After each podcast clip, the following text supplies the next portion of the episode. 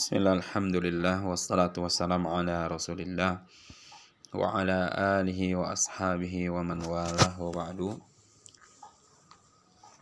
Wali murid dan wali santri yang dirahmati Allah subhanahu wa ta'ala Assalamualaikum warahmatullahi wabarakatuh. Kita akan lanjutkan e, pembahasan terkait dengan adab-adab buang hajat. Ya, adab-adab buang hajat ini adalah eh, sesuatu yang harus kita perhatikan karena kita butuh dengan ya butuh dengan eh, adab-adab ini. Sehingga ketika kita berada di tempat ya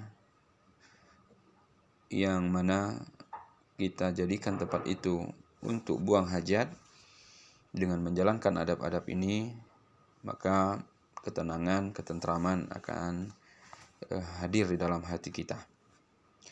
Taib, apa adab-adab buang hajat? Yang pertama, ya, menjauhi dua tempat yang dilarang.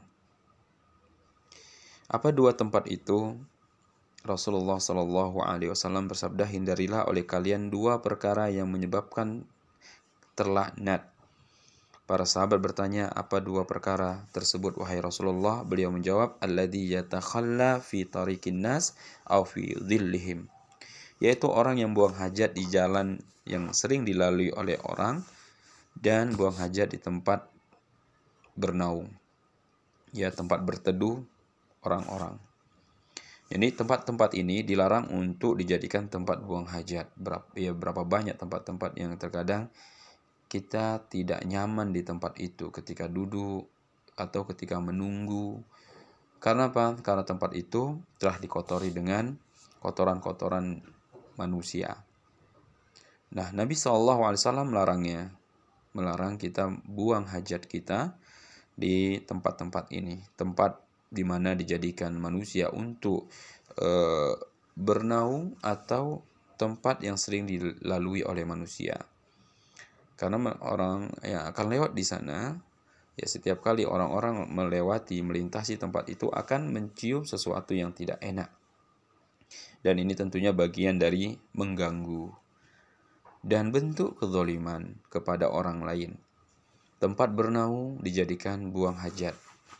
Ya tempat lalu lalang manusia dijadikan tempat buang hajat.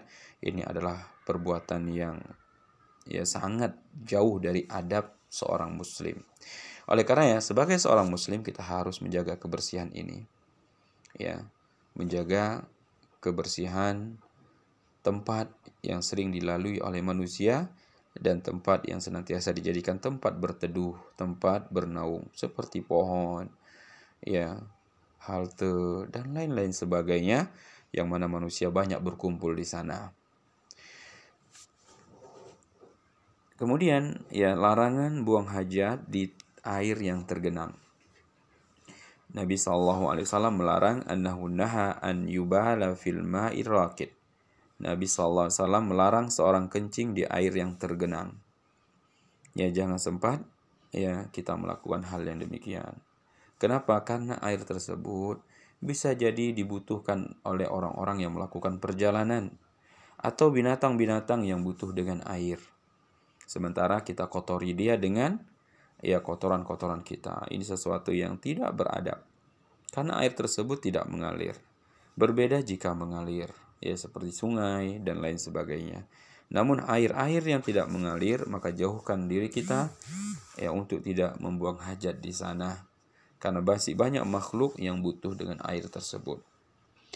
Nah, para wali murid dan wali santri yang rahmati Allah Subhanahu wa taala, Ke depannya akan kita lanjutkan ada pada buang hajat. Assalamualaikum warahmatullahi wabarakatuh.